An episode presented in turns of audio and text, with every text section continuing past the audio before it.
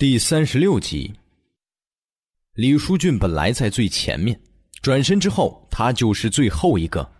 他只觉得眼前一花，那个人就到了自己身边。他毕竟是进化者，知道这个时候开枪已经来不及，他干脆整个人前冲，直接撞了过去。以他一星进化者的体质，他不相信这个人会比他强。可是叶钟明诡异的侧了一下身，仿佛知道他会撞过来一样，盾牌一挥，砸在了李书俊的身侧。借着这股力量，在旁边的墙上一蹬，窜出去了老远。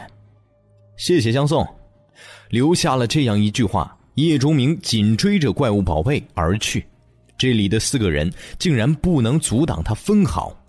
轰！身后传来爆炸声。李书俊忍着肋部的剧痛，回头一看，就看见那个给了他强大压迫感的军人王丁，正和七八个人一起出现了一栋楼顶之上。他们几个人带着火箭筒，竟然在攻击那个五十多米的巨大怪物。打他干什么呀？李书俊急得满头大汗，抓起对讲机狂吼：“叶团长，别打他，别打他！宝物在这里。”再不去就要被人抢了。朴秀英还不值得莫叶如此激动，但他很明白，自己离开的时候，这个女人是和叶钟明在一起的。现在她出现在了这里，叶钟明就一定在。确定了这一点之后，莫叶也顾不得其他，直接就从窗口跳了出去，顶着前面的尸群，不断扣动手枪，打爆一个又一个丧尸的头。你疯了！程泽一把没拉住，自己这位女徒弟就从屋子里跳了出去。他吓得大喊：“不知道他怎么会突然这样？”成龙和小虎对视了一眼，这两个人平时很服莫叶，在队伍里，莫叶对这两个独自生活在城市里的手下当弟弟看，所以三人关系很好。两个人看到自己队长突然走了。互相看了看，就明白了彼此的意思，一翻身也跟着跳了出去，追着莫叶去了。看得程泽和夏雷直发愣。这个时候，门外传来了一阵脚步声，数个全副武装的人端着枪跑了进来，领头的正是刚才离开的那位秘书。莫叶呢？他犯了纪律，要负责任。看到刚刚狼狈逃窜的这个家伙，带着人趾高气昂的回来要人。程泽和夏雷就生气，这都什么时候了，你还来玩这种某某主义？这几个战士现在去战斗多好，非要在这个时候对自己人下手。本来对于莫叶和成龙、小虎这三个学员的离开就有些不爽的程泽眼睛一瞪，大声道：“现在最需要的是战斗，而不是追究什么责任。我去把莫叶找回来。”说完，也跳出了窗户。朝着刚才三个人离开的方向前去，夏雷握了握手中的枪，非常想跟出去，可想到还等着自己去会合的丈夫，在踌躇了一下之后，终于放弃。他和他们，终究是不同的。朴秀英从没有这么恨过一个人，钱达，那个在学校遇到的鼻音男，竟然无耻的偷袭了他。本来一切都很顺利，他正在用望远镜观察着战场，不时的给叶钟明提供有用的信息，并且指引着梁初音去会合。可因为过于专注，也没想到有人会偷偷摸摸来到那栋楼顶。朴秀英在没有任何防备的情况被这个鼻音男制住了，他逼问关于叶钟明的一切，逼问末世中一切他搞不清楚的地方。朴秀英看得出，这个鼻音男很强，明显受过训练。制住自己的时候，扣住的位置都是人体最关键的部位。但这个鼻音男有一点没有算到，就是朴秀英已经不是在学校初见时那个手无缚鸡之力的女老师了，而是一个实打实的进化者。于是，当钱达询问的同时，手脚开始不干净。想顺便占些便宜的时候，朴老师爆发了。钱达被这位美女老师一套自己发明的防狼术直接从楼顶打了下去。如果不是他身手敏捷，差一点就摔死了。可朴老师的小宇宙爆发的时间有限，钱达虽然没有成为进化者，但显然已经转动过轮盘，手里有好几样武器。在发了狠之后，朴老师终究不是对手，所以朴秀英只能逃跑，并且方向已经不受他的控制。进化者的身体和免疫药剂的效果，让他在战场上左跑右跑，最后跑的钱达都不敢追了，因为朴老师直接跑到了战斗最激烈的地方。朴老师突然听到有人叫自己。朴老师终于从逃跑模式中清醒了过来，看到来人，脸上立刻就露出了大大的笑容。莫叶，太好了，你来了！朴秀英激动的抱了莫叶一下，心中安稳了许多。你怎么在这儿？叶钟明、梁初音他们呢？莫叶拉着这位老师朝着一个方向退去，这里可不是什么叙旧的地方。没等朴秀英回答。巨大的震动和阴影就出现了，他们朝着那个方向看去，就看见了铁索囚徒狰狞恐怖的脸，还有山岳一般的身躯。两女和所有人一样，愣了半晌，才从这种震撼中清醒过来。糟了！朴秀英突然喊了一声：“刚才我最后看到叶钟明，就是去这只怪物那边了。”莫叶脸色一变。他已经下定决心，以后跟着叶钟明了，可不希望他出事。这一头怪物看起来太恐怖了些。不过，我们先去救梁初音，他现在很危险。刚才我看到他和人打起来了。朴老师喘息着，拉着莫叶就要走。可叶钟明那边怎么办？朴老师虽然性子柔弱了些，在某些方面固执了些，心中正义感强烈一些。但是，身为高校老师，他的分析能力还是不错的。从刚才没有失联之前的种种情况判断，叶钟明明显是去找什么东西的，估计不会去招惹这个大怪物。可梁初音就不同了，已经动了手，对手还是一帮人，周围还有不少的丧尸和变异生物，是情况最危急的。他暂时没事，我们救了梁初音，再和他会合就好。你也知道，很多时候我们跟着他就是累赘。莫叶一咬牙，知道朴老师说的没错，带路，我们去找梁初音。莫队，等等我们！成龙和虎子这个时候才赶了过来，先是几枪撂倒了周围的几个丧尸，后才喘着粗气到了附近。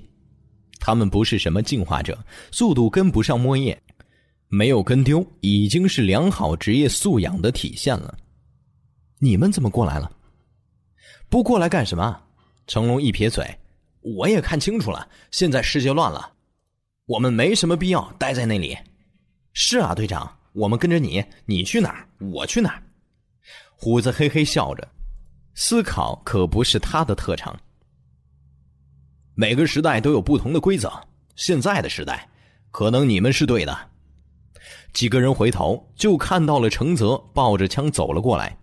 因为旧病有些跛的腿依然很明显，可是却丝毫没有影响这位教官的速度，紧随着成龙和小虎寻到了这里。莫叶眼睛就亮了，这两个手下和自己的教官，那可都是最优秀的战士，有了他们，那个臭屁一样的男人应该会很高兴吧？那好，走，先去救一个同伴。队长。救谁？小虎嘻嘻哈哈的跟着，可手里的枪却精准的点杀了一只变异的野猫。你偶像。纳尼？梁初音胸口剧烈的起伏，外衣破了一道口子，露出了里面的粉色文胸。在文胸的旁边，有一道十几厘米的伤口，此刻正缓缓渗着血。雪白的皮肤和鲜红的血液形成了鲜明的对比，刺激着人们的视觉。原来杀人不过如此啊！网红抿了一把嘴角的鲜血，双眼死死盯着前面的这些人。他的脚下是数具死状凄惨的尸体。胡多海捂着左臂，那里的伤口深可见骨。如果不是他身为进化者，反应速度都是一等一的。刚才就被这一鞭子抽死了。今天你必须给我留下。曾经的钉子户也发了狠，今天他必须要把这个女人制住，从她嘴里知道自己想要的信息。我来牵制他，其他人给我打他的腿。我现在只要活的，缺胳膊少腿都行。其他人互相看了看，也都起了杀心。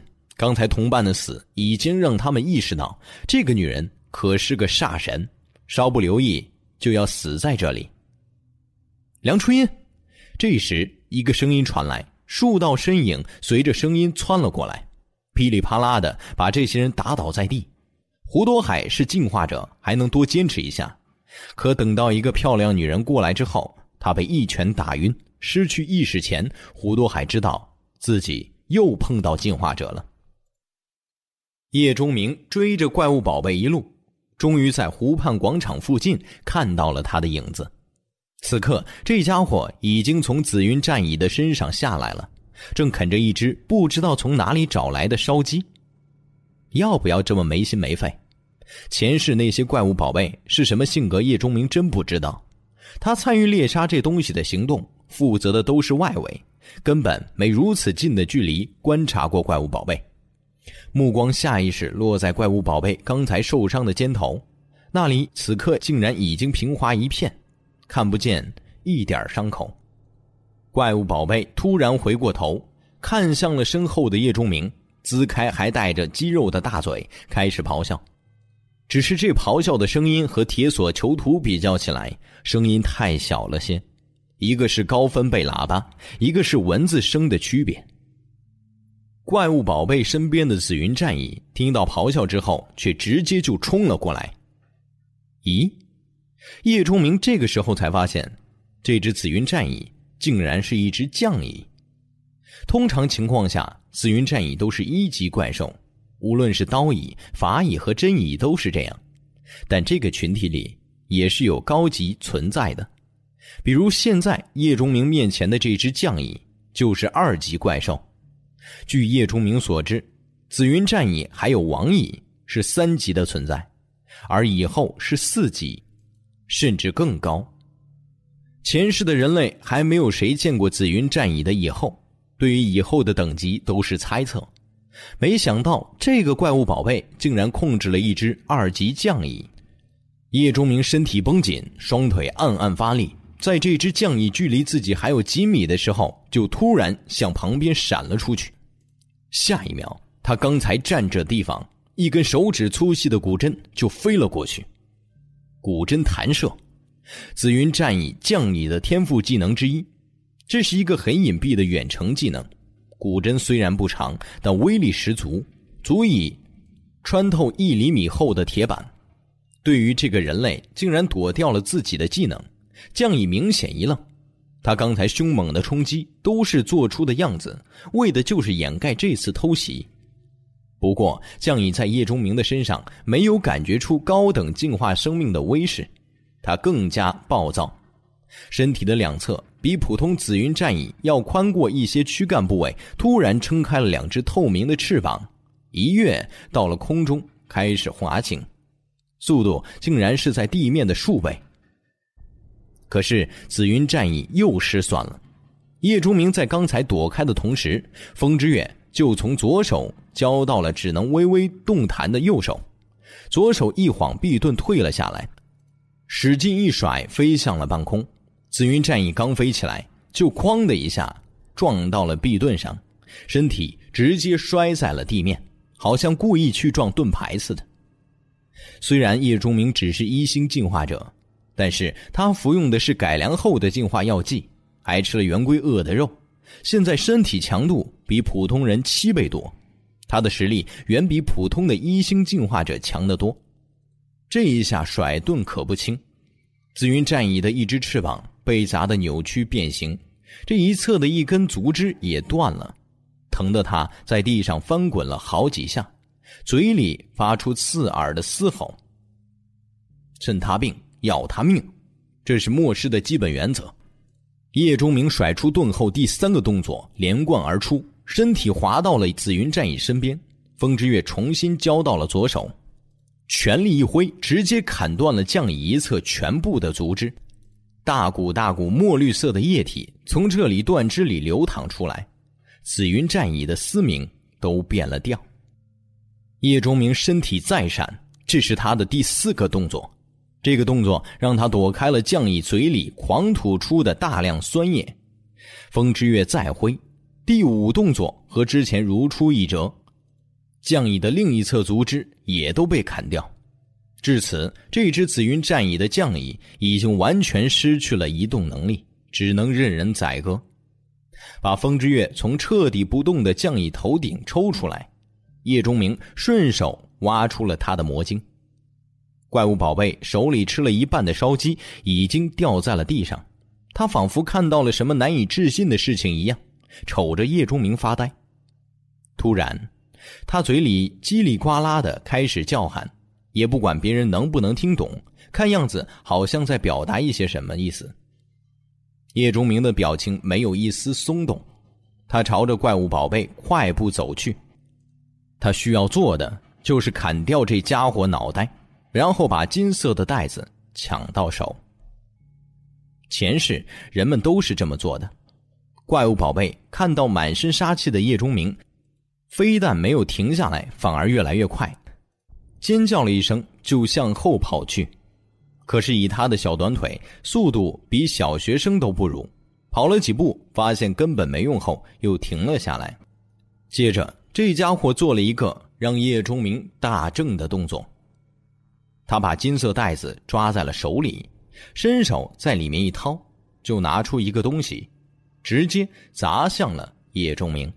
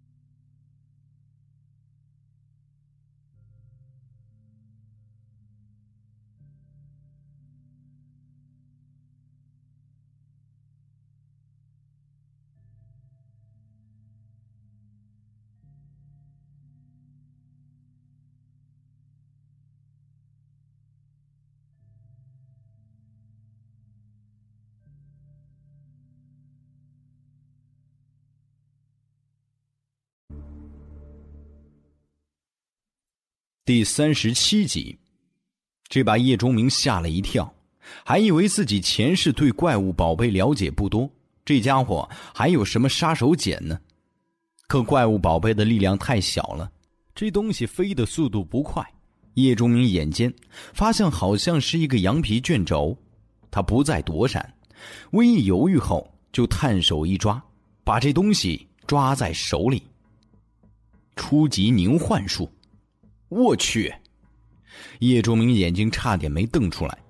这张羊皮卷轴竟然是一个技能卷轴，上面是一个在末世非常火爆的召唤类技能。这怪物宝贝随手一砸，竟然就是一个技能。叶钟明看着一副防备模样，随时准备再砸的怪物宝贝，突然觉得这家伙应该叫天上，因为。只有天上会掉馅饼，馅饼都砸到头上了，还有什么犹豫的？叶钟明连说明都没看，直接就学习了这个初级凝幻术，脑袋一晕，仿佛就多出了什么。叶钟明就这样掌握了初级排除术之后的第二个技能。叶钟明不傻，所以他继续前行，怪物宝贝也配合。哗啦一下又砸过来一个东西。叶钟明接住一看，又疯狂了，竟然是一个职业晋升卷轴。上一世为了这东西自己付出了多少，现在竟然被人当成垃圾一样扔了过来。对比要不要这么鲜明？还有吗？我还要。此时的叶钟明已经变成了久违的怨妇，要啊要啊的不停。啪，怪物宝贝果然又砸过来了一个东西。叶钟明接过一星净化药剂，没有之前两个好，但还不错。再来，怪物宝贝听话的再次砸过来一个东西，同时眼睛里闪过隐晦的狡黠。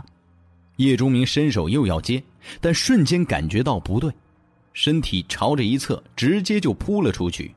刚刚贴到了地面，那个被怪物宝贝扔出来的东西就落在了地上，轰一下爆炸了。地面被炸出了一个深坑，烟雾弥漫中，一个闪着荧光绿的身影从大坑里站了起来。这是一个叶钟明从未见过的怪物，或者确切的说，一个召唤来的怪物，因为他的身体上并没有魔晶存在。叶钟明刚才扑倒的同时，又向前滚了滚，远离了这个怪物后，才重新站起。提着风之月，判断着形势。看来前一世流传关于怪物宝贝的信息并不是完整的。这个小怪兽虽然没有什么战斗技能，但除了使用召唤号角召唤来丧尸怪兽之外，显然还有其他的防身能力，并且身体的恢复力惊人。叶钟明的右手指动了动，他感觉右臂好了很多。刚才初级凝幻术的学习，让他有身体里接受了一股力量，这让受损的部位也得到了轻微的修复。但距离可以毫无障碍的用刀，明显还是不够的。想了想，叶竹明把臂盾挂在了右臂上。怪物宝贝在这个两米左右高的荧光绿怪物出现之后，一脸得意，又把啃了一半的烧鸡捡了起来。对着叶钟明扭动着小身子，一副你能奈我何的样子，连土都没掸掉，就大口咬食着，还嚣张的把一根鸡骨头朝着叶钟明吐了过来，随手一挥，用风之月磕飞了这块骨头。叶钟明再次退了一步，那个荧光绿色、仿佛一身明火组成的怪物已经走出了大坑，正在朝着他冲过来。由于没有魔晶。这个怪物的实力并不好判断，并且身体好像没有实质，叶钟明也不敢贸然下刀，害怕毁掉了风之月。这一踌躇之间，这个怪物就冲到了近前，大拳头呼的一下就砸了过来，离得有些近了。叶钟明闻到了一股硫磺的味道，他吓得连忙后退，生怕被这家伙沾染到。看到刚才。把自己逼得扔东西的人有些狼狈，怪物宝贝笑着，身体一颤一颤的，不敢用刀去砍，也不敢接触这家伙。叶钟明干脆继续后退，一边后退一边拿出这一路来收集的魔晶，一枚接着一枚的捏碎，开始补充消耗的精神力。看上去他被逼得连连后退，没有一点还手之力。不远处传来了猛烈的枪炮声音，那边的战斗已经进入了白热化的阶段。叶钟明甚至用余光扫到了铁索囚徒身上偶尔绽放的亮光，那是大口径子弹和 RPG 造成的爆炸。几处火光冲天而起，一些建筑在现代火器威力之下开始燃烧，照亮了整个湖畔。这个时候，叶钟明才发现。夕阳已经完全落了下去，末世来临后的第二夜降临了。精神力在魔晶的刺激下迅速恢复，为此叶钟明甚至还使用了孔阳的二级魔晶。付出了这么大的代价，可不是为了逃跑的。叶钟明不再后退，而是站在了湖畔广场的一处小喷泉池旁。荧光绿怪物紧跟着到了这里。大脚从地上抬起，踹向了叶钟明。这家伙这一路走来，双脚竟然在地面留下了黑色的印记。显然，这种荧光绿芒有着强烈的腐蚀性。尝尝这个。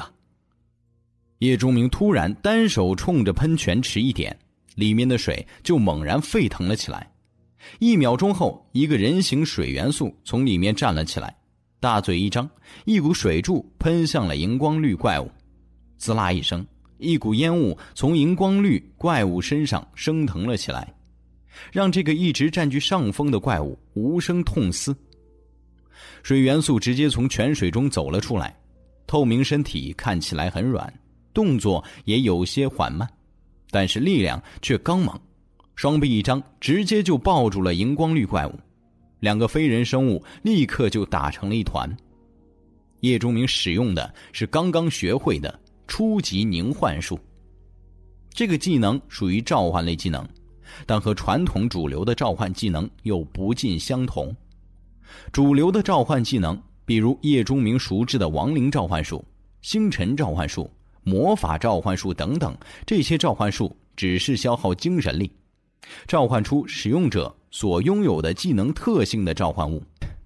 亡灵召唤术就唤出招牌骷髅战士，或者魔法召唤术换来魔法生物。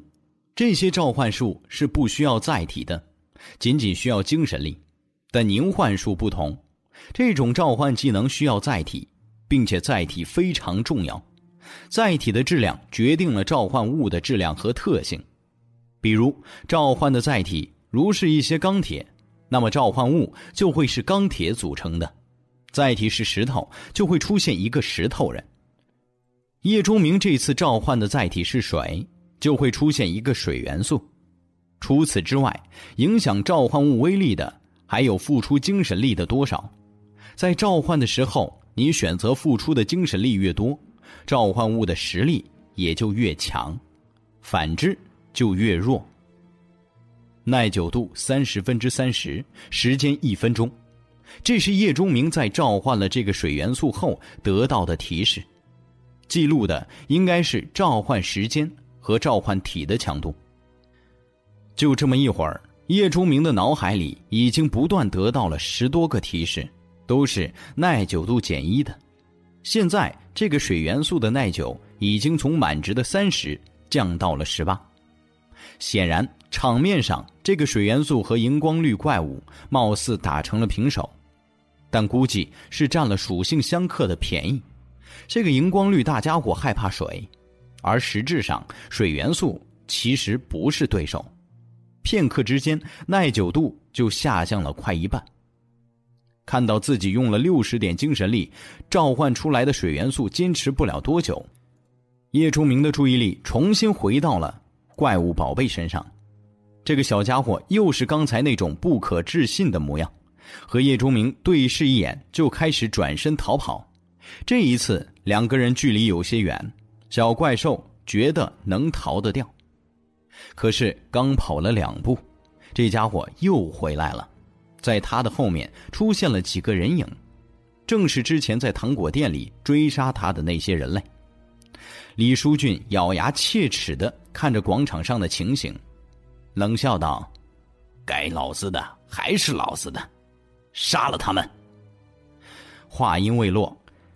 他和他的几个手下就开始射击，有打怪物宝贝的，有打叶钟明的，甚至还有人对着地上打成一团的荧光绿和水元素开了一枪。叶钟明灵巧一个翻滚，躲到了喷泉旁边一个雕塑的后面，心中很是不爽。耽误了这一会儿，这些人竟然又跟了过来，他自己现在也不能免疫普通枪械。在没有拉近距离的时候，这些人的威胁性是很大的。可就这么看着怪物宝贝被人杀了，然后抢走那个百宝囊一样的黄金口袋，那自己拼死拼活的为了什么？叶钟明于是也发了狠，掏出从糖果店得来的一把枪，双脚用力一蹬，让身体横飞了出去，电光火石间开了两枪，那边两个人影应声而倒。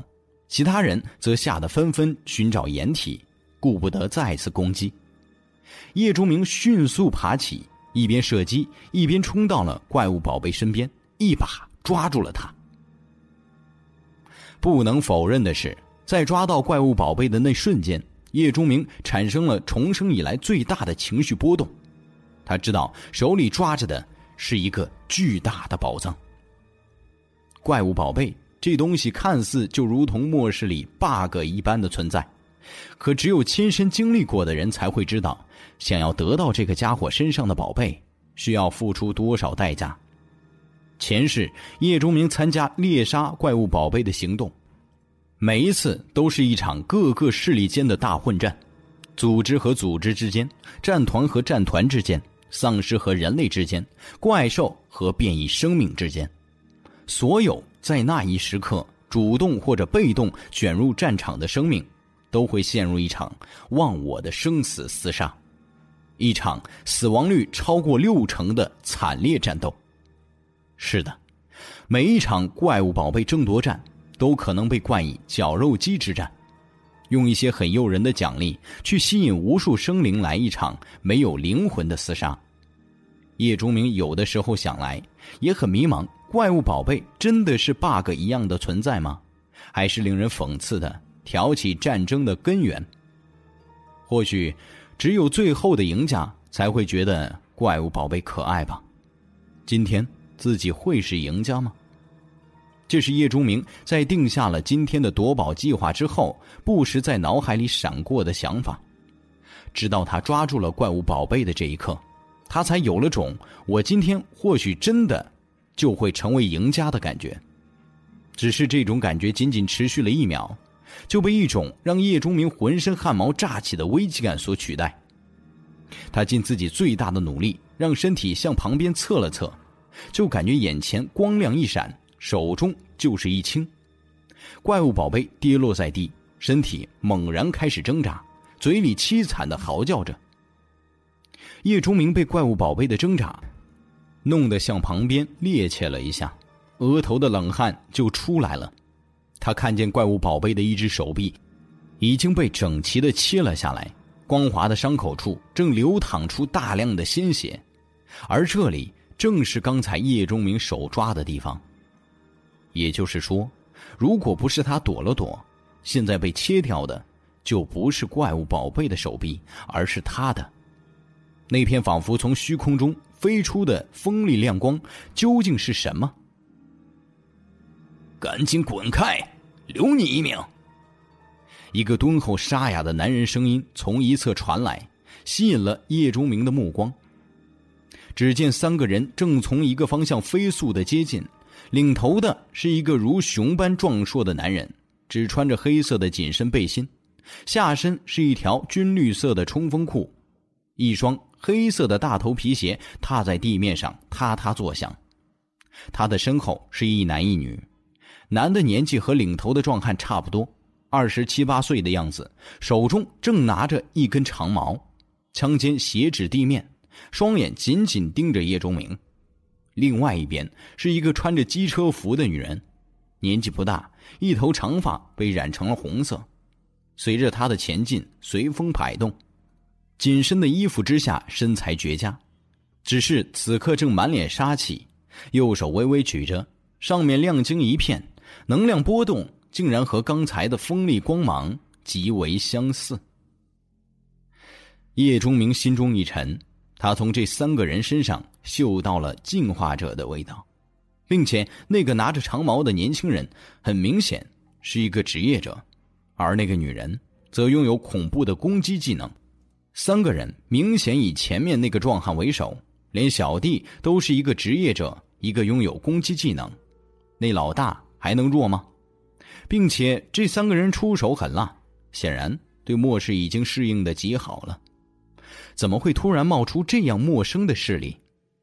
叶钟明眼看这三个人飞速接近这里，对于他们的警告压根没往心里去，伸手就是一抓，想要把金色的袋子抓在手里。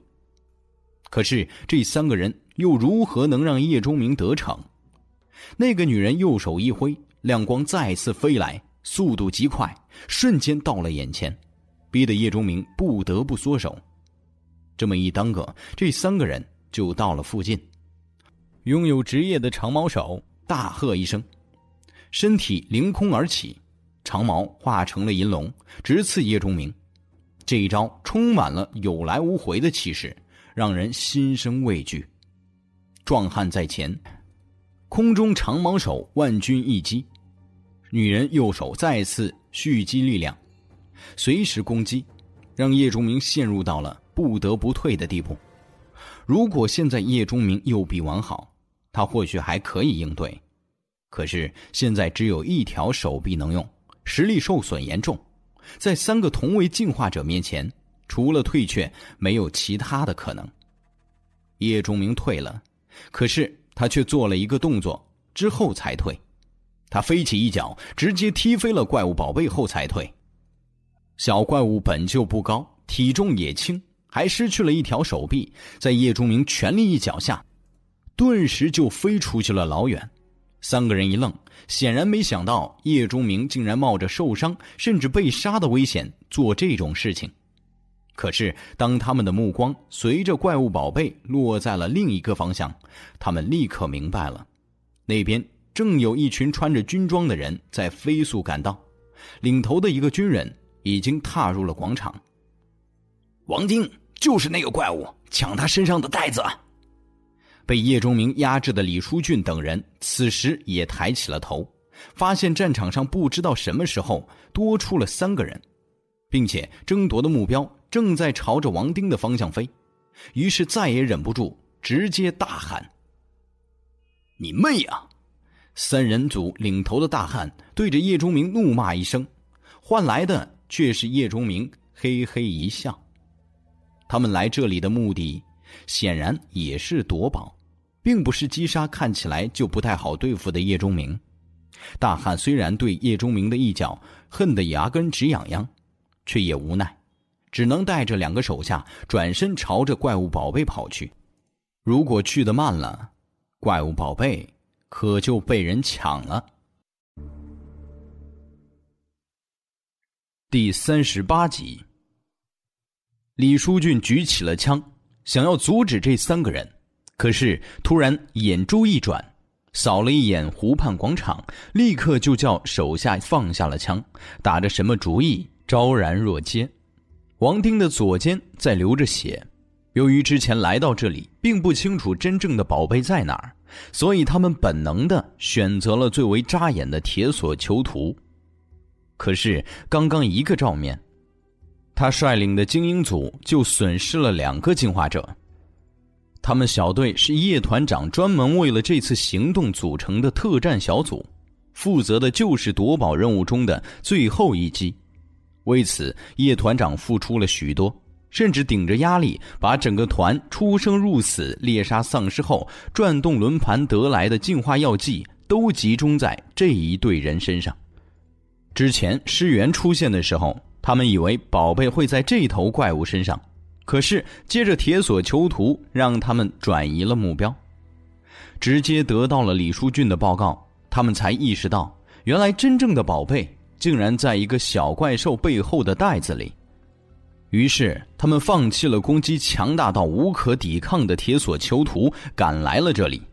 代价就是，本来有八人的特战小组，此时只剩下了四个人，那可是四个一星进化者呀！王丁想想心都在滴血，因为得到了一张特殊的卡片，王丁在一天之内就从普通人进化到二星进化者。他本以为现在没人是他的对手，可现实却把他的骄傲击得粉碎。他感觉自己就是一只被人戏耍的猴子，却傻乎乎的和最强大的怪兽拼命。可其他人却早已经知道了宝贝所在，来这里抢夺。好在自己来的还不算晚。王丁大吼了一声，身体猛然加速，直接就越过了可以唾手可得的怪物宝贝。撞进了壮汉长毛手和女人的三人组，他相信后面跟进的战友会把宝贝收好，而他只需要给战友创造时机就好。三人组领头的壮汉看见了一个穿着军装的人撞了过来，冷哼了一声，双手猛然一张，本就壮硕的身体竟然又粗壮了一圈，双腿微弯，腹背微微弓起，整个人的感觉仿佛变成了一辆重型坦克。叶钟明瞳孔一缩，力士，之前那个长毛手就是一个职业者，现在这个壮汉竟然又是一个职业，并且还是很特殊、很强大的力士职业。看来这三个人不仅仅碰到了一级轮盘，成为了一星进化者，还运气逆天，至少遇到了三彩轮盘。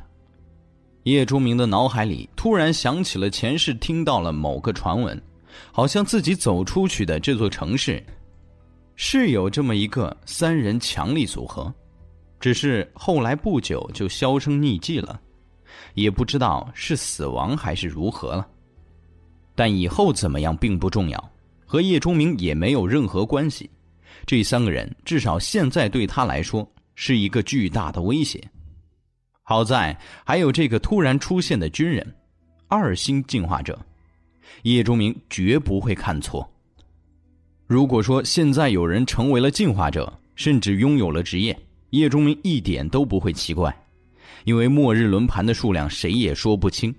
说不定在什么地方就有一个，人类碰到的几率是非常大的，并且只要看到过轮盘，就会从上面的驱动装置上意识到使用方法。只要胆大心细，有很高几率可以在短时间内就强大起来。如果说有丧尸甚至怪兽进化到了三级、四级甚至更高，叶钟明会惊讶，但也会相信。因为这些非人生命的进化方式实质是能量的积累，在短时间如果能够吞噬吸收了巨额能量飞速进化是有可能的，并且一些怪兽本就是绝地出来，那个地方哪怕是在末世十年后也没人能够解开种种谜团，除了知道一部分是金色圣光攻击的地点之外，人类对绝地了解非常少。那里现在别说走出几个三四级的怪兽，就是存在九级怪兽也并不让人意外。但，一个人类，在末世开始不到三十个小时内就成为了二星进化者，这让叶钟明不敢相信，甚至因此产生了一丝嫉妒。他是重生的人呢，知道很多很多轮盘的确切位置。知道丧尸、怪兽、魔晶颜色代表的等级，知道他们的特点和弱点，知道如何变得强大，知道如何去更好的生存。但是他现在也仅仅是一一星进化者，如果不是运气逆天，可能连职业者都不是。但怎么就偏偏有其他人成了二星进化者呢？难道他去转动了二级轮盘？可即便是知道了二级轮盘的位置，现在有那么多二级的变异生命给你杀吗？即便是有那么多的变异生命给你杀，你杀得掉吗？心中这个大大的疑问让叶钟明百思不得其解。十年的末世经验和知识积累没有给他提供一点帮助。在叶钟明猜测的时候，这个二星进化者的军人已经和壮男撞到了一起。壮男是一星进化者，如果他没有职业，甚至有职业，但职业不是力士，那么他肯定无法和二星进化者对抗。一星和二星进化者实力之间有着难以逾越的差距，但是力士这个职业非常特殊，它可以让职业者拥有强大的力量和壮硕的身体，只论力量这一项，是可以越级挑战的。那个军人大概是在这一天之内就成为了二星进化者，所以对实力过于自信了，选择了直接冲撞。这正合了历史职业的心思。这个壮男身体摆开了架势，就用出了历史的职业技能之一——熊抱。两个人砰的一声发生了直接碰撞，闷响听得人牙齿发酸。碰撞之后。两个人各自都失去了对身体的控制，纷纷大步后退，三四秒后才站稳了身体。壮男满头大汗，一只手捂着胸口，显然，这一撞让他精神力消耗巨大，并且身体也受到了不小的冲击。那个军人则抹了一把嘴角的血迹，吃了个暗亏。其实，无论这个军人王丁采取其他任何方式，他都可以占据绝对的优势，可他偏偏采取了一种壮汉唯一能够与他抗衡的方式，于是造成了现在各自受了一些伤的情况。壮汉后退，可是他的两个同伴却没有后退。那个长毛手再次用出了刚才对付叶钟明的那一招，想来应该是职业技能。这一次他的时机掌握的更好，正好赶上了王丁的后退，毛影几乎随着王丁的脚步而至。这一矛又准又狠，王丁几乎没有什么反应时间。不过，毕竟王丁现在已经是二星进化者了，他强压下刚才撞击产生的震动，身体勉强侧向了一边。可身体刚动，一道亮光就斩了过来，位置正是他躲闪的地方。下一秒，这亮光就会切开他的身体。危机时刻，王丁爆发出了二星进化者超强的能力，在几乎不可能的情况下，生生又让身体挪了回去。既然双重攻击已经不可能闪开，王丁果断选择了去承受长矛的伤害，而不是那道让人头皮发麻的光刃。长矛尖锐的矛尖刺进了王丁的肩膀里，那里本就有伤，此刻更是血流如注。不过，在肩膀和长矛中间还有一只手，王丁的手。他在千钧一发的瞬间，把自己的左手。垫在了矛尖之前，所以这一矛虽然刺中了肩头，可是刺的不深，也就没法对身体造成重伤。去死！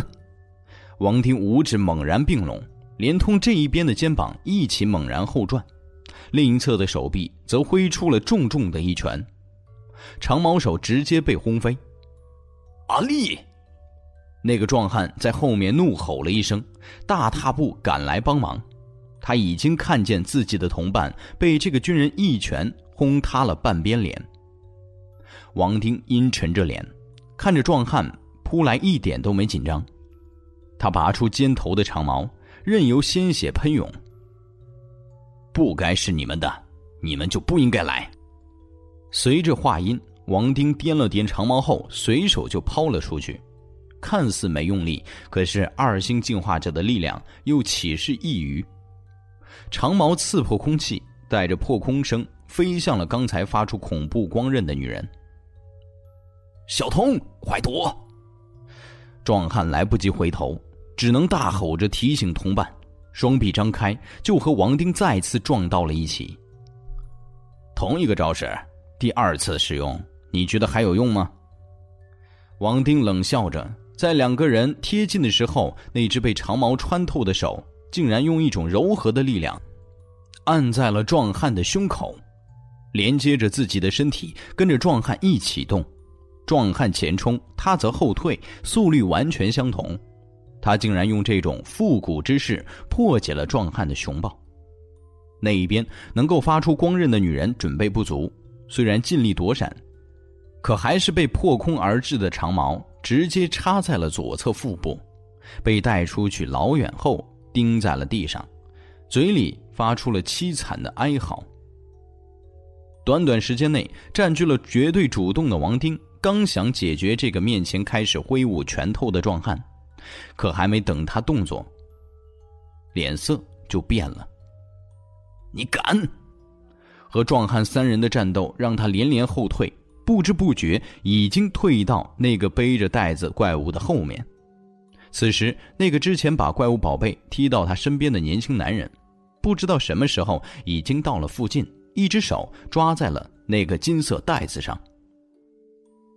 叶钟明挑选的时机非常好，这个源于他末世十年的搏命生涯。他从长矛手开始攻击时候开始移动。在其他人纠缠在一起的时候，抓住袋子，给自己赢得了时间。甚至他还算到了自己在得到袋子后会遭到攻击。枪声响起，叶钟明未卜先知一样的提前躲开了，在地面上滚了几圈后，就到了那个已经把水元素解决掉的荧光绿怪物身后。虽然狼狈，但李书俊那边射来的子弹全部被这个怪物挡住了。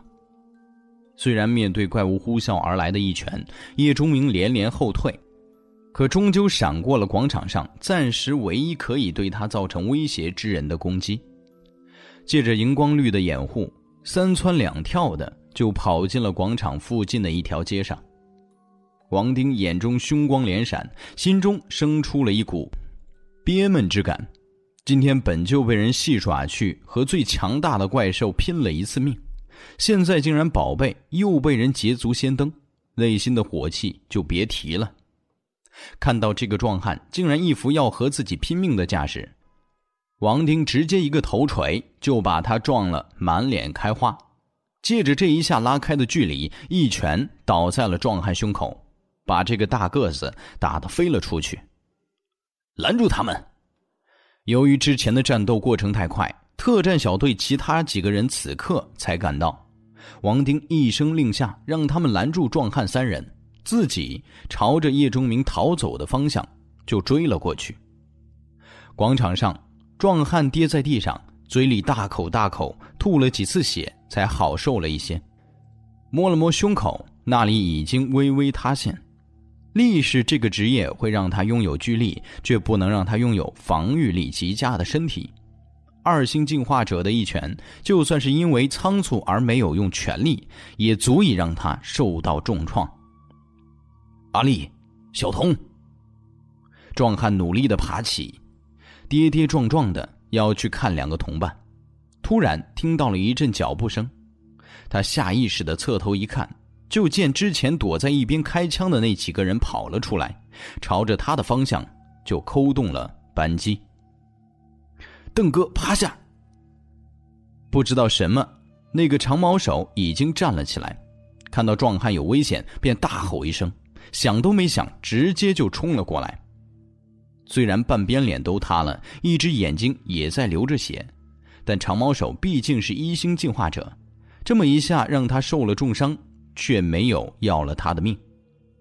此刻全速奔跑之下，竟然非常快速。在李书俊那些人的攻击之下，扑倒了壮汉，枪声随即大作。这些人目标并不是大汉，而是那些朝着他们扑来的特战队员。李书俊，你疯了！猝不及防，一个特战队员被打爆了头，其他几个人赶紧闪避，其中一个怒斥着李书俊：“你们才疯了，我很清醒。”这位公司老总脸上满是疯狂，带着手下疯狂的射击，不仅射击那些特战队员，还射击壮汉三人组。邓哥，那边刚刚缓过一口气的女人小童，看到壮汉被一枪打得翻滚了一下，一道光刃就飞了出去，直接把李书俊的一个手下拦腰切成了两段。光刃攻击的威力太让人忌惮了。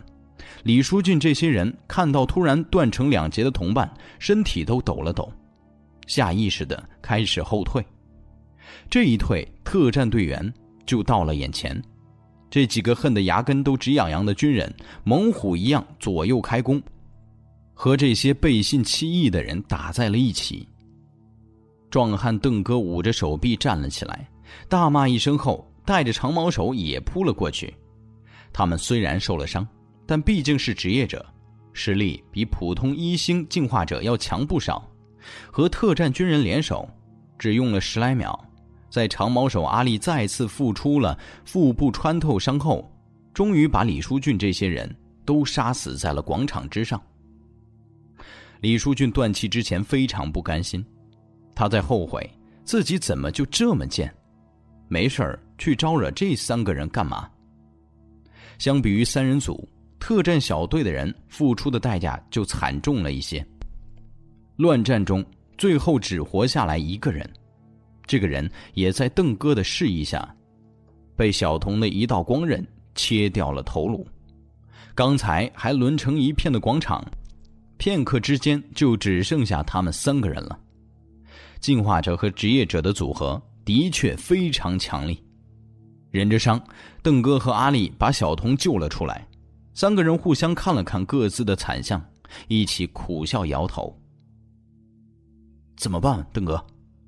阿丽捂着腹部，他很幸运，中弹的地方并不是要害，子弹也穿透了出去，简单包扎一下就不怎么流血了。小童的伤势严重一些，只能靠着阿丽搀扶。邓哥看着叶钟明和王丁消失的方向，狠狠一咬牙道：“如果就这么回去，你们甘心吗？”两个同伴看了看，都摇摇头。的确，他们三个人自以为实力很强，又是找准了时机、找对了目标才出手，竟然落到三人都重伤的下场。现在走了，就是个鸡飞蛋打的局面。况且他们还得罪了军方，不继续变强，就是一个死字。既然别人可以渔翁得利，我们怎么就不行？走，跟上去。看看有没有机会捞一笔。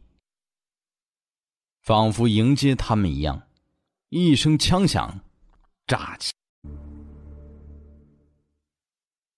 第三十九集，王丁冲进了那条街，想都没想，刚追了一会儿，突然瞬间的危机感让他闪到了旁边破了门的商铺，接着枪响了，冷冷一笑。王丁就想出言嘲讽一下前面逃跑的人，但是他马上意识到了不对，蓦然回头，隐约就看到广场上那个断了一臂的怪物宝贝死了。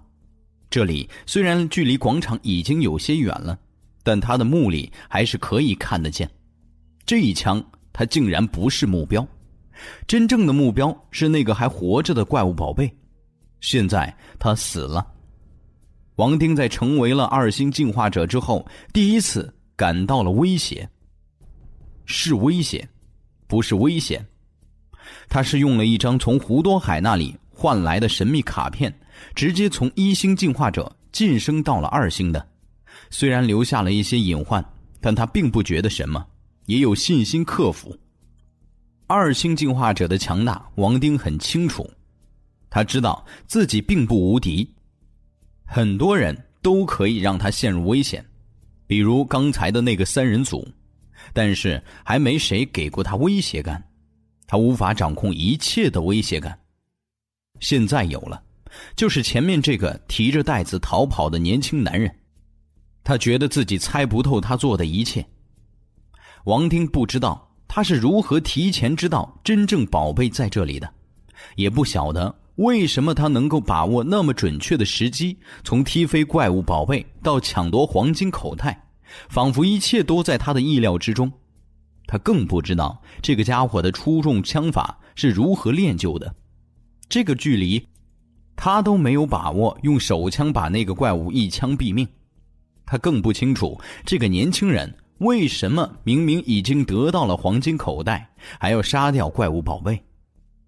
既然有这么多想不明白的地方，那么接下来，这个人还会不会有陷阱等着自己？一时间，王丁竟然有些踌躇。叶钟明此刻自然不会知道自己的行为已经让一个二星进化者感到了威胁，他在朝着既定的目的地跑去。他知道自己甩不开后面的人，一星和二星之间差距有些大，可是。这不代表叶钟明就没有办法，一枪打死了怪物宝贝。他为了两件事，一件就是他确定怪物宝贝死亡之后，他召唤来的荧光绿怪物也会随之消失。第二件，他继续疾奔，嘴里出现了一个奇怪的口哨，一边跑一边开始使劲儿的吹，逃跑的方向竟然是铁索囚徒的位置。叶团长此刻满眼通红，之前的紫云战役已经让队伍损失惨重。可是，当大量的丧尸和那两只猩红刚铎来到这里之后，他能做的就只是带着人被动的防御。是的，连逃走都做不到。前后左右，无论哪里，全部都是丧尸、变异生物、怪兽。这么一会儿。人手损失已经超过了一半，就算剩下的，也有不少受了伤。在没有免疫药剂的情况下，这些伤其实就代表着死亡。包括叶团长都不知道该向哪里走，任何一个方向好像都通往地狱。这是一种让人发狂的绝望感。有人开始崩溃了。叶团长亲眼看见数个好苗子哭嚎着，对着他们自己的脑袋抠动了扳机，脑浆和鲜血溅满了曾经载满荣誉的橄榄绿。还有些士兵突然脱离队伍，无头无脑的冲进了狮群，他们认为那是逃跑，其实只是送死。之前在叶团长看来没有什么威胁的丧尸，此刻展露了他们真正的狰狞。数量达到一定程度之后，不仅仅是人类，就连那些变异生物都无从抵挡，被这些行尸走肉当成食物塞进了肚子。四个方向布置的团队，此刻有两个方向失联，刘局长那里也已经通知叶团长要先行撤退了，他们抵挡不住那只巨大的变异丧尸了，只有二营还在努力向自己所部靠拢。但是他们能突破重围来到这里吗？叶团长自己都不信。传我的命令！叶团长面色阴沉，紧握双拳，把一个无线通讯耳机摘下，道：“向着做前方突围。”旁边的参谋一愣：“团长，那里是？我知道，但那里是我们唯一的出路。”整个队伍在这样的命令下。开始向着铁索囚徒的方向靠去。这个时候，所有人都在求生，听从命令已经变成了一种下意识的行为。叶团长在很多人的眼中看到了一些让他陌生的东西。他知道，哪怕这一次活着冲了出去，很多人应该也不会再听从自己的命令。不过没关系，这就本就在意料之中，一切付出都是值得的。只要王丁他们成功，自己现在接应他，哪怕牺牲再多。叶团长低下头，眼中满是阴郁。叶忠明在一个丁字路口遇到了麻烦，这里已经是主战场，怪物、丧尸、变异生命已经随处可见，他不得不一边杀死这些怪物，一边前行。在他身后紧随的王丁也遇到了同样的麻烦。没有免疫药剂的他，应对这些丧尸要比叶钟明更加小心一些。不过，他二星进化者的实力，倒也没有真正能够伤到他的东西。只是前面那个年轻男人滑不留手，让王丁心中怒气越来越盛。轰！铁索囚徒手中的血幕突然从一栋楼里伸了出来，顶端是一只二级变异生物的尸体。具体是什么物种已经看不出来了，尸体被捣得粉碎，只剩下一滩碎肉和骨渣，只有一片白色魔晶让人知道这一滩血肉的主人生前的变异等级。看到高楼后面露出铁索囚徒巨大的身体，叶钟明拿出枪，直接就开了一枪。事实上，到现在为止，已经没有生物去主动招惹铁索囚徒了。这家伙四级的等级形成的绝对等级压制，让很多变异生命都本能的尽量离得远远的。可是这里对于人类来说是战场，对于丧尸变异生命这些却是食场。他们在填饱他们的肚子，并且获得能量来提高进化等级。对于铁索囚徒的畏惧，并不能让他们轻易放弃这个唾手可得的机会。所以，这些变异生命虽然尽量远离铁索囚徒，但却没有离开这个战场。他们都在疯狂寻找一切可以杀死的生命，这就形成了一个有些诡异的画面：整个战场到处都充斥着各类生命，只有铁索囚徒附近有一圈小小的真空。铁索囚徒游荡的很慢，所以对于战场的影响远没有他的身高那么大。可是，一切从叶钟明的这一枪开始改变了。除了之前王丁他们之外，已经有一会儿没有生命敢于挑战这个大家伙的权威了。有这个心思的，现在都变成了肉饼。铁索囚徒已经进入了那种漫无目的的神游状态，或许这就是他解开封印的方式。可是叶钟明这一枪是用新枪打的，子弹也是铜质强化和覆过膜的，专门用来破开坚固的防御。如果铁索囚徒是前世的九级怪兽，那么这一枪不会有什么效果，大概都没有蚊子叮咬疼。但现在铁索囚徒只是四级怪兽，实力还没有那么强。面对其他二级、三级甚至四级的变异生命，铁索囚徒都可以轻易击杀，因为这些进化生命仅仅是等级提升了，在其他方面还很欠缺，综合实力不高。但叶钟明不同，他虽然只有一星进化，可是却拥有职业。还是带着前缀的顶级副职业“荣耀工匠”，他可以把他的攻击提升到了一个远超他进化等级的层次，从而对高级别生命造成伤害。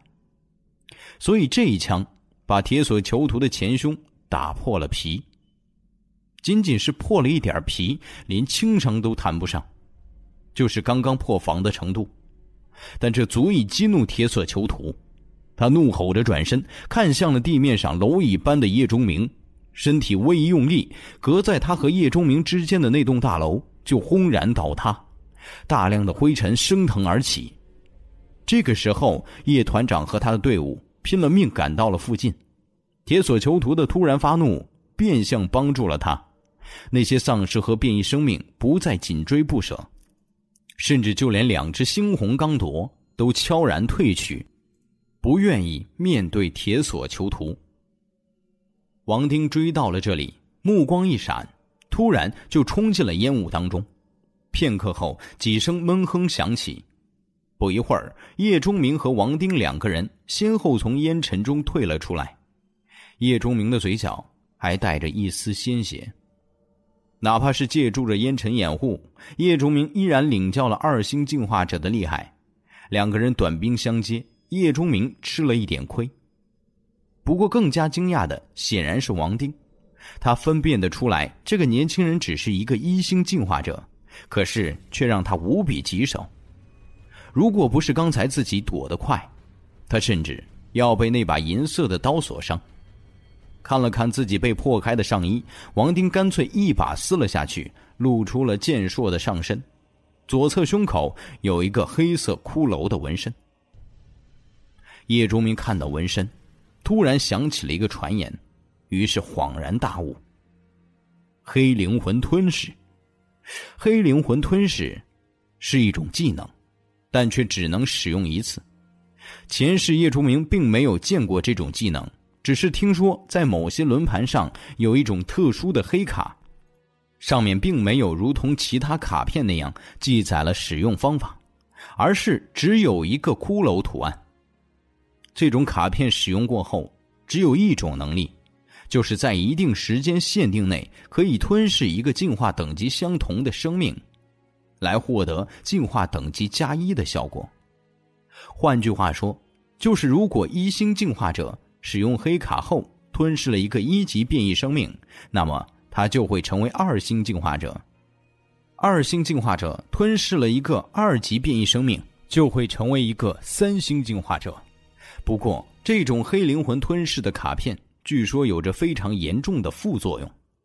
最被人确定的就是这种一次性技能会极大降低人的寿命，使用之后可能只有不到十年可活。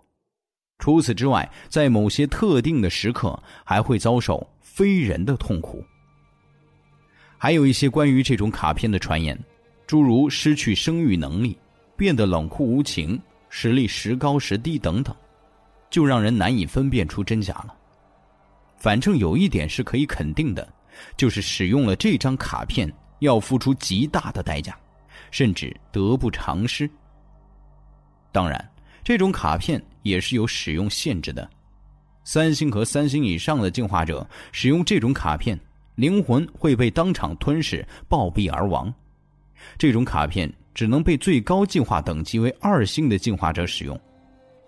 使用了这种卡片的人，身上的某个部位会出现黑色骷髅纹身，代表着使用过这种卡片，并且接受了黑灵魂吞噬的副作用。怪不得人类可以在三十多个小时内就成为了二星进化者，原来是使用了黑灵魂吞噬卡。这让本来已经受了些许打击的叶钟明重新恢复了自信。放下袋子，我放你离开。王丁上身的伤口不再流血，但是伤口处依然一片血污，看起来很吓人。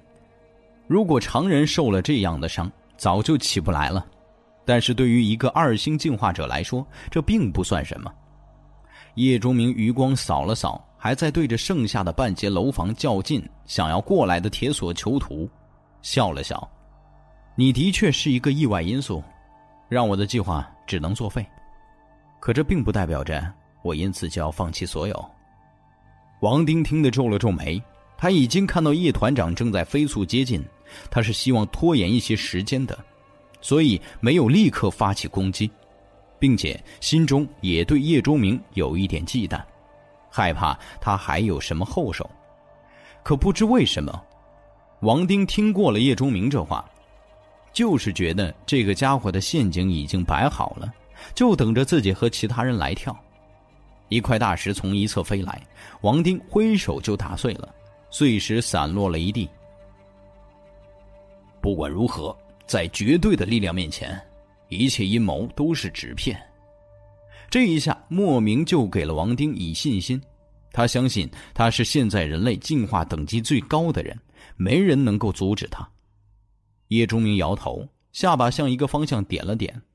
王丁微微侧了一下头，就看见二十多个人正跑向了这里，身后跟着大片大片的丧尸，那头尸猿也跟在后面。刘局，王丁认识领头的人，只是不知道他们为什么会来这里。还有那边，叶钟明又指了指另一侧，王丁看过去，就见之前广场上和他搏杀过的三个组也到了这里。虽然受了伤，但对于如同猛兽一样的进化者来说，受伤的他们更加可怕。好像今天还活到现在的人，都来到了这里啊！叶钟明又笑了笑，突然脸色就一正，指着王丁道：“知道吗？我刚才听到你的手下叫了你的名字。你叫王丁，曾经是我崇敬的人，但是现在，我非常非常讨厌你。”王丁一愣，他之前在部队里是有些名气，但也没有大到外人也知道的地步。军人，他们值得尊敬，哪怕是末日了，他们依然坚守着他们的荣誉。但是这其中不包括你，不包括你的上司叶团长。你们的心在末世来临的时候就变了，你们今天所做的一切，都是为了你们的私欲。你放屁！王丁大吼一声，不允许这个小子侮辱自己和团长。我说错了吗？叶钟明冷笑道：“在灾难开始的时候，你们作为这座城市里唯一的成建制力量，你们做了什么？组织营救了吗？救助难民了吗？清剿丧尸了吗？没有，你们什么都没做。”就连杀丧尸，也都是为了获取魔晶，而不是以救人为目的。你们非但不去救助普通百姓，反而利用其中的进化者为你们服务。那些替你们守护四方的人，都是你们早就选好的炮灰。你和叶团长，都是为了你们自己变强，才进行今天的行动。叶忠明大吼了一声。指着那些浑身浴血赶来的普通士兵说：“他们才是真正的军人，无条件的服从命令，放弃对家人的担忧，英勇的作战。但你，还有那些带着金章领花的人，灵魂早已污浊。想要夺宝？行，来吧，今天就各凭本事，让我看看你一个二星进化者能抢到几样宝贝。”说完，叶钟明突然向后面的铁索囚徒跑了过去，大步踏上了那栋还剩下一小半的坍塌楼房废墟。第四十集，这个动作让早就观察场中形势、渐渐对这里形成了合围的几大势力立刻开始了行动。叶团长、刘局长、王丁，甚至三人组，都朝着叶钟明追去，并且发动了攻击。来抢！叶钟明大吼一声，在窜到废墟最高点之前，突然猛然撕开了金色的背带。里面顿时有七八样东西飞散在了空中，每一样都闪着诱人的光芒。所有看到这一幕的人都下意识的吞了吞口水。今天他们打生打死的为了什么？不就是为了这些宝贝吗？现在这些东西就在眼前，他们哪里还忍得住？从战斗开始到现在，一直背着手冷静指挥的叶团长突然从队伍里冲了出去。此时爆发的实力竟然颇让人惊讶，显然不是普通的一星进化者。王丁也动了，他刚才距离叶钟明最近，速度也最快，距离那些半空中飞散的宝贝只有咫尺之遥。受伤三人组也动了，他们此刻忘记了浑身的疼痛，眼中只有那些闪着光的宝贝。刘局那边也动了，这些宝贝，他们。不能眼睁睁看着被别人拿走。除了他们之外，在废墟的一侧阴影部位，突然窜出了一些人，竟然先于这些人到达了现场。看到这一幕，其余的人都脸色大变。梁初音占了鞭子长的便宜，最先把一团光晕包着的宝贝卷到了自己手中。这些从废墟阴影中突然杀出的人。正是刚过来的莫叶、梁初音、朴老师等人。梁初音在被莫叶解救之后，已经联系上了叶钟明，得到了在这里隐蔽的命令。他们一出手就占据了绝对的主动。莫叶是第二个拿到宝贝的，他一星进化者的体质加上曾经受过的专业训练，让占据了地利的他也顺利拿到了一个光团，并且莫叶在抓住了一个光团之后。利用废墟的坡度，身体做了一个翻滚，又用脚尖点了另外一个光团到朴秀英眼前，被这位女老师直接抱在了怀里。从叶钟明跑到这里，抖开包裹，把里面的宝贝都散落在空中，再到莫叶等人出现夺宝，一切都发生在电光火石之间，快得让人没有丝毫准备。半空散落的宝贝刚刚开始下落。就已经有三样被抢走了。王丁实力最强，离得最近，但也没有来得及阻止。看到一小半的宝贝都被抢走，他怒吼一声，猛然加速，脚尖踢出了一个石块后，身体就跃了出去，一只手奋力前抓，终于把一个光团扣在了手里。被他踢飞的石块呼啸着打在了正想伸手夺宝的张龙腹部。这个健壮的大汉。腰腹立刻就弓在一起，大口鲜血直接喷洒而出，身体不受控制的倒飞了出去。离他最近的程泽用手一拦，巨大的力量传递到了他的身上。虽然他扶住了张龙，但是也被带了一个趔趄。大龙，怎么样？程泽从自己被带的后退就知道这一下的分量，连忙询问靠在怀里的张龙。混蛋！劲儿真大呀！张龙擦了擦嘴，回了一句，但马上脸色一变，又是一口血吐了出来。莫叶、程泽这些人行事可能还顾忌一些，毕竟心智成熟、阅历丰富，但小虎年轻、做事冲动，平时最听莫叶的话，对程泽这位教官也有几分畏惧。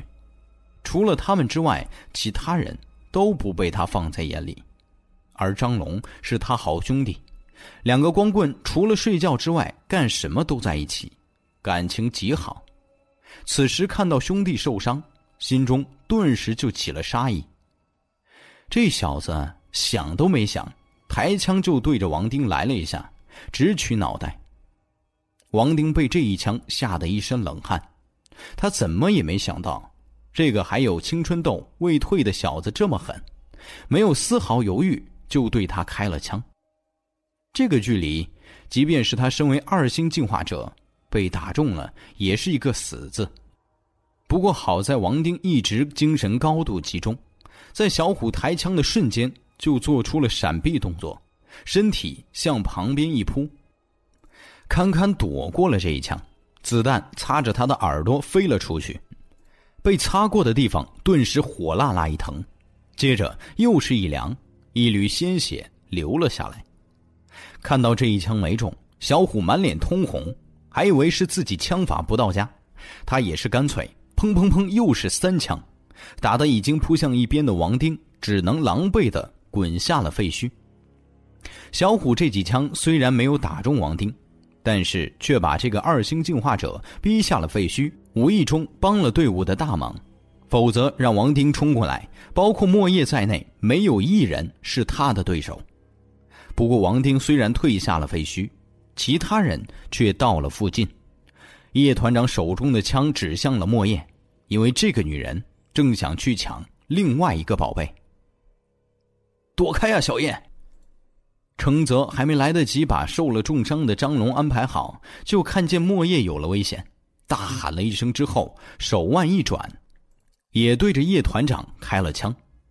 围魏救赵是现在最好的办法，程泽只能寄希望于这样干扰到叶团长，让他射击失准。莫叶虽然没有王丁那么强大，可不管怎么说也是一星进化者，如果徒手相搏。可能叶钟明都不会是他的对手，他早已经观察到了周围的形势，看到叶团长举枪时，他就放弃了再次夺宝的念头，跳向了另外一侧。叶团长这一枪直接放空，程泽的枪几乎在同时也响了，可却打偏。他本就扶着张龙，开枪用的是并不擅长的左手，又是仓促之间射击，准头自然不佳。这一枪从叶团长的身侧飞了过去，叶团长被吓了一跳，本能的想要还击，可是却看见一个光团正落向了自己，哪里还顾得上其他，直接伸了手。可就在宝物碰到他的手前一刻，突然一道光芒从旁边袭来，叶团长本能一缩手，那道光从他刚才手的位置飞了过去，落在了旁边的一块断壁上。至少有十多厘米厚的水泥墙被直接切成了两半。滚开！让人头皮发麻的光刃之后，是一声怒吼和一道寒风。叶团长侧头一看，只见拿着白色长矛的人从废墟下一矛刺了过来，眨眼就到了身前。叶团长只能放弃了夺宝，飞起一脚踢到了毛杆上。出手的正是之前那三人组，他们没赶上之前莫叶等人抢宝，他们太快了，但现在可不会放任这些宝贝就这样落到别人的手里。一星进化者很强，但是面对同样是一星进化者还是职业者的长毛手阿力，叶团长这一脚就吃了亏，一股疼痛传来，身体被反震了出去。双手在地上一撑，后退了一下之后才站稳。我的了！力士邓哥哈哈一笑，把那团光揽在了手里。三个人配合之下，终于夺得了一个宝贝。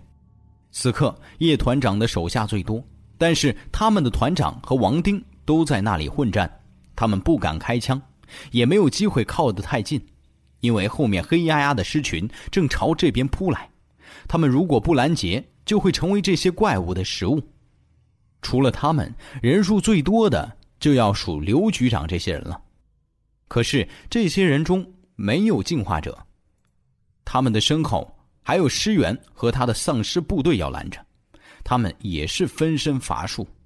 就算空出了一些人手，在看见了废墟之上的战斗后，也不敢过去。那些人表现出来的实力是他们无法企及的。刘局长阴沉着脸，看着那边进行的如火如荼的夺宝战，突然对旁边的人下了一个命令：“开枪！”周围的人有些愣：“开枪？朝谁开？”那个和莫叶发生过冲突的秘书傻傻的问了一句。刘局顿时就怒了，转身一个巴掌打在了这个秘书脸上，嘴里喷着唾沫星子，喊道：“朝谁开？那里有我们的人吗？当然是无差别攻击。”同样站在刘局长不远处的夏雷一听，不可置信之感涌上了心头。总头竟然在这种情况下命令朝着自己的同类开枪，莫叶、成泽他们可还在那里呀？但夏雷毕竟曾经是最优秀的武警，他端起了枪，第一个开始了射击。这一枪有些大失水准，偏的离谱，不知道射到了哪里。这女人心中暗道。小燕，姐姐能帮你的就这些了。随着这一枪，废墟之上又响起了枪声，只是这一枪声音有些大，吸引了不少人注意。只见刚才那个把宝物撒得满天都是的年轻人，正举着枪对着越来越近的铁索囚徒射击。一个念头涌上了所有人的脑海：这二货是不是疯了？叶钟明自然没疯。他只是想要得到更多。从一开始，他除了觊觎怪物宝贝之外，就对铁索囚徒有着自己的想法。是的，以他现在的实力，他杀不死铁索囚徒这个四级怪兽，甚至别说杀，让他重伤铁索囚徒，叶钟明都做不到。但是叶钟明就是想要一些东西，甚至相比于怪物宝贝。他更在意可能从铁索囚徒身上得到的好处，这从他没有参与夺宝就看得出。所以叶钟明在如此形势下悍然发动了攻击。富贵险中求，叶钟明现在也是拼了。这一枪，叶钟明对准的不是铁索囚徒的身体，而是缠绕铁索囚徒全身的那些铁索——鬼金。这种金属非常昂贵，在末世偶尔会流传出一些，都是论克出售的，每一克的价格都是天价。鬼金具体的作用，叶仲明并不是十分清楚。他前世不是顶级强者，得不到一些机密的资料，也不是工匠、炼金师这些相关职业，没有经手过这些珍稀材料。不过，传言中有人说，只要在熔炼过程中加入一点点鬼金，就会极大提升武器装备的品质，甚至还会获得一些神奇的能力。这个传言，叶钟明自然不知道真假，但空穴来风，势必有因。叶钟明只知道这种金属的贵重就可以了，具体的作用可以在得到之后慢慢研究。子弹打在了鬼金锁链之上，发出了响亮声音，大量的火星溅射了出来。作为目标的鬼金锁链猛烈的晃动了一下，再次悠荡回来之后，叶仲明发现这一枪几乎没有什么效果，那里只有一点淡淡的痕迹。很多不明白叶钟明为什么这么做的人，都以为他是想攻击这个巨型怪物。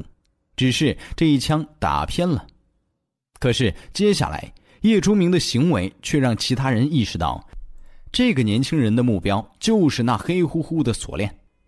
砰砰砰砰，叶钟明一口气把新枪里自己处理过的子弹全部打空，每一枪都打在了鬼金锁链上的同一个地方。在这样的距离之下，哪怕他还不是射手之夜，仅仅依靠前世的经验。也不可能打偏。那条锁链的连接之处，终于出现了一个小小的裂痕，就是一条细微的不能再细的裂痕，连缺口都没有出现。如果不是叶钟明眼神好，都未必能够发现。这连续的几枪，不仅打得废墟下面的人都有些发愣，就连马上要迈过废墟的铁索囚徒也是一头雾水。不知道这个蝼蚁在干什么？发什么愣啊？抢啊！本来已经被三人组逼得退出了核心圈子的叶团长，之前也被叶钟明的行为弄得怔了怔。可是当他发现刘局长那些人竟然利用这个机会，已经到了废墟之上，并且在如此近的距离之下，纷纷举了枪，叶团长大吼一声，手中的枪率先喷射出了火焰。刘局长表面痛骂一声，身体却早已经躲在了一边。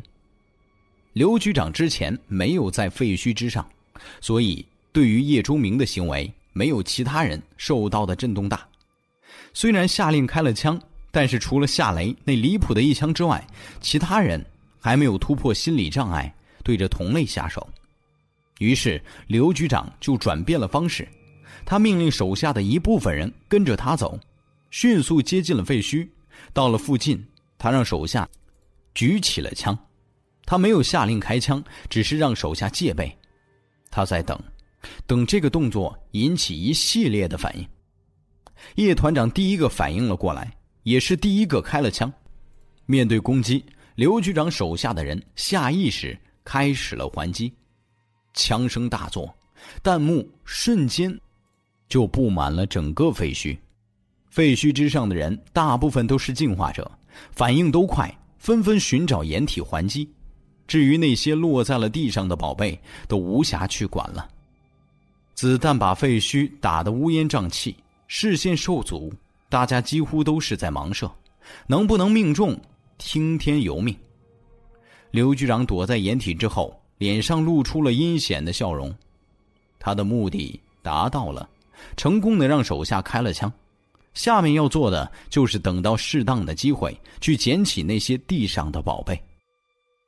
和他有着一样心思的人可不少，王丁和叶团长凑到了一起，在石头后面观察着战场，寻找着宝贝的位置和出手的时机。莫叶等人也退到了刚才冲出来的地方，他们已经夺得了三个宝贝，接下来如果可以再得到一个甚至几个，也是不错的事情。三人组同样躲在了一边。他们没有枪，所以只能等着双方停战。对于他们来说，时间拖得越久越好，这样他们的伤势就会减轻一点。烟雾覆盖了废墟，也覆盖了这些夺宝的人。可是废墟之上，叶钟明和铁索囚徒之战却进入到了白热化阶段。铁索囚徒终于厌烦了叶钟明对他的骚扰，手中的血幕轰然砸下。那足有十来个平方的巨大横截面，就如同一座山峰一样压了下来。叶钟明连滚带爬的躲了过去，因为只有一只手能用的缘故，新枪也顾不得要了，直接扔在了一边，重新提起了风之月，借着巨木砸在废墟上的这个时间，迅速跑向了铁索囚徒的身下，一跃跳上了这个怪物重卡一样的巨脚上，猛然上窜。风之月挥出，准确的砍在了刚刚那一段鬼筋之上。这一节鬼筋是铁索囚徒身上锁链中最下面的一段，距离地面大概有四五米高。站在一米多、两米左右的巨大脚面上，叶钟明能够砍到已经是他的极限。这一刀下去后，他重新落到了地面。就是一滚，躲开了铁索囚徒的践踏。抬头观察，风之月果然比子弹有效。刚才这一下虽然没有砍断鬼筋，但却留下了清晰的一道印记。不过这显然还不够。叶钟明马上伸手从背包里掏出了一捆缆绳，正是之前在学校超市那个轮盘上转出来的。熟练的把缆绳的一段系在了一块半大的石头。利用铁索囚徒低头寻找自己的机会，叶忠明把缆绳在手上甩了几圈之后，猛地一抛，就搭在了铁索之上。试了一下感觉，叶忠明开始助跑，然后借助绳索的力量和铁索囚徒移动带来的加速度，身体就荡了上去。